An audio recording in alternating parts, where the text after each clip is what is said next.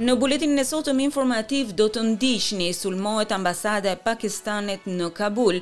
Bashkimi Evropian dhe Rusia arrijnë marrëveshje në lidhje me çmimet e naftës. Zvicra nxjerr jashtë botërorit Serbinë dhe merr vendin e dytë në kategori.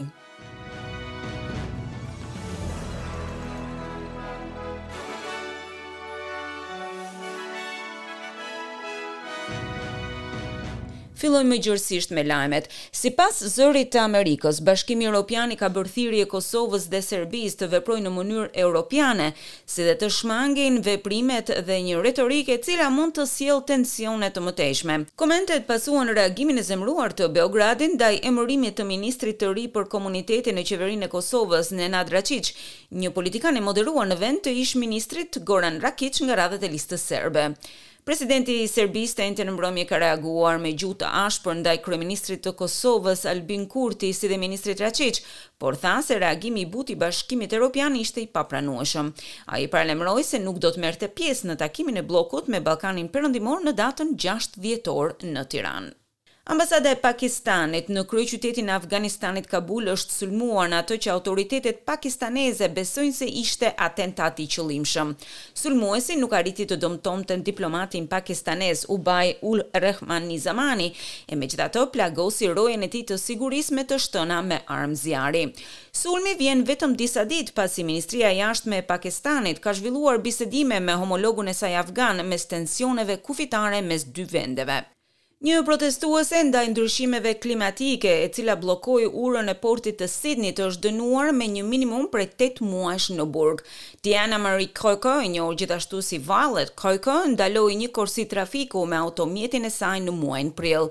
Tridhjetë e një vjeçarja u deklarua fajtore për një sërë veprash dhe iu refuzua lirimi me kusht. Vendet e Bashkimit Europian kanë arritur një marrëveshje për të kufizuar çmimin e eksporteve të naftës ruse në gjashtëdhjetë dollarë amerikanë për fuçi. Polonia ka qenë e vetmja anëtare që ende hezitonte për të nënshkruar marrëveshjen me miratimin e tyre që tashmë i hap rrugën edhe një marrëveshjeje formale. Bashkimi Europian dhe ekonomitë kryesore të G-shtatës kanë vendosur të ndalojnë plotësisht importet e naftës ruse nga deti. Komisionerja e Bashkimit Europian, Ursula von der Leyen, tha se masa do të stabilizojë ekonomitë e energjisë në mbarë botën. So this price cap will benefit directly emerging and developing economies, And it will be adjustable over time so that Ky kufi çmimi do t'i vijë në ndihmë drejtpërsëdrejti vendeve në zhvillim. Ai do të jetë i rregullueshëm me kalimin e kohës, në këtë mënyrë ne do të jemi në gjendje të reagojmë ndaj zhvillimeve të tregut. Gjithashtu, së bashku me partnerët tanë, ne qëndrojmë të bashkuar e të vendosur në refuzimin tonë të plotë ndaj luftës mizore të Rusisë. Kufiri i çmimit është i lidhur edhe me një vendim të mëparshëm nga grupi i shtatës i ekonomive kryesore, i cili synon të reduktojë të ardhurat e Rusisë nga shitja e naftës, duke parandaluar gjithashtu edhe një rritje të çmimeve ndërkombëtare. Irani po përplaset me mbikëqyrësit bërthamor të OKB-së në lidhje me pamundësinë për të dhënë informacione në lidhje me programin e tij atomik. Rafael Grossi thotë se kjo është një çështje e sigurisë rajonale. If we don't get it right, if we do not stabilize the situation here and come to a point where. Nëse nuk veprojmë siç duhet, nëse nuk e stabilizojmë situatën dhe arrijmë në një pikë ku kemi garanci të besueshme se gjithçka po shkon siç duhet, vonesa e një destabilizimi më të madh në të gjithë rajonin do të jetë e pranishme.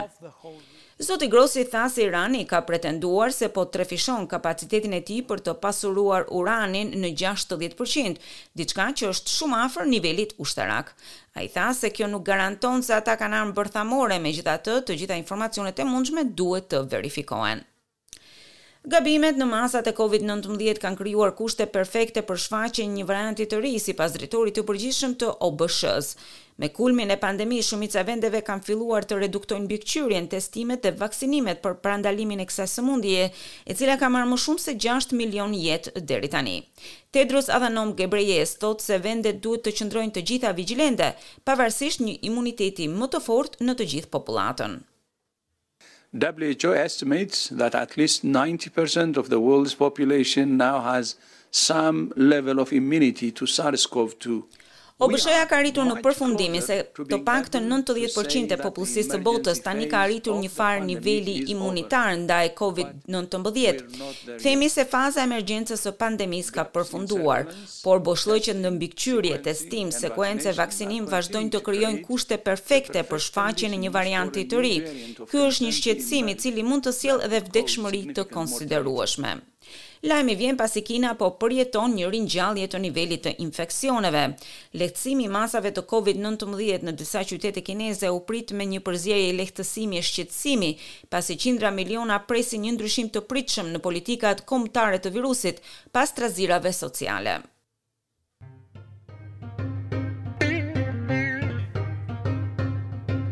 E kalojmë tani në kursin e këmbimit të valutës australiane. Një dolar australian sot këmbehet me 76 lek shqiptare, 0.64 euro, 0.68 dolar amerikan dhe 20.2 denar maqedonas.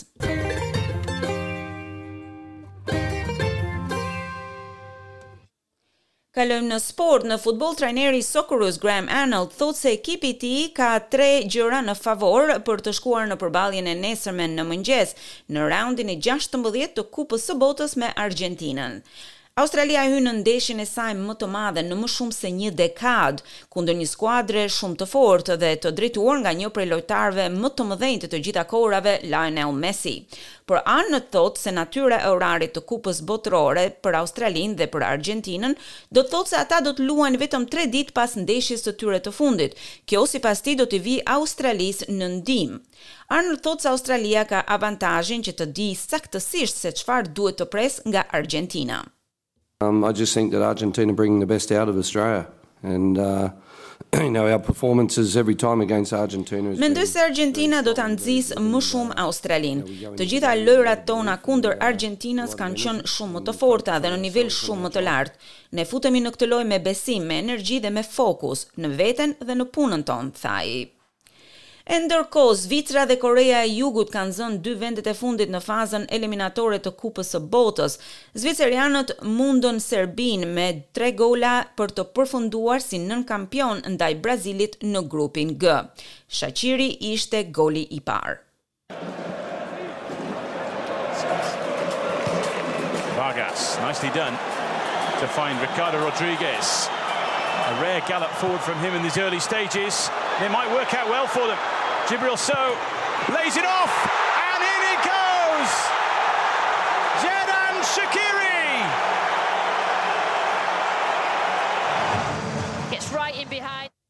Përveç Shaqirit, golat e tjerë u shënuan nga Embolo dhe Freuler. Golat e Mitroviçit dhe Vllahoviç nuk mjaftuan për serbët. Zvicerianët kalojnë në gjashtëmbëdhjetëshen e fundit përpara Kamerunit me golaverazh superiore. Ata do të luajnë kundër Portugalisë në raundin e gjashtëmbëdhjetë të mërkurën në mëngjes. Brazili do të luajë me Korenë e Jugut të martën në mëngjes, pasi koreanët zunë vendin e dytë në Grupin H në rrethana dramatike. Ata mundën Portugalinë dy me një. Koreanët panë fundin e ndeshjes Gana kundër Uruguait për të parë nëse do të kualifikoheshin. Uruguai mundi Ganën po vetëm dy me zero, gjë që do të thoshte se koreanët kaluan në gjashtëmbëdhjetëshe duke shënuar më shumë gola në turne.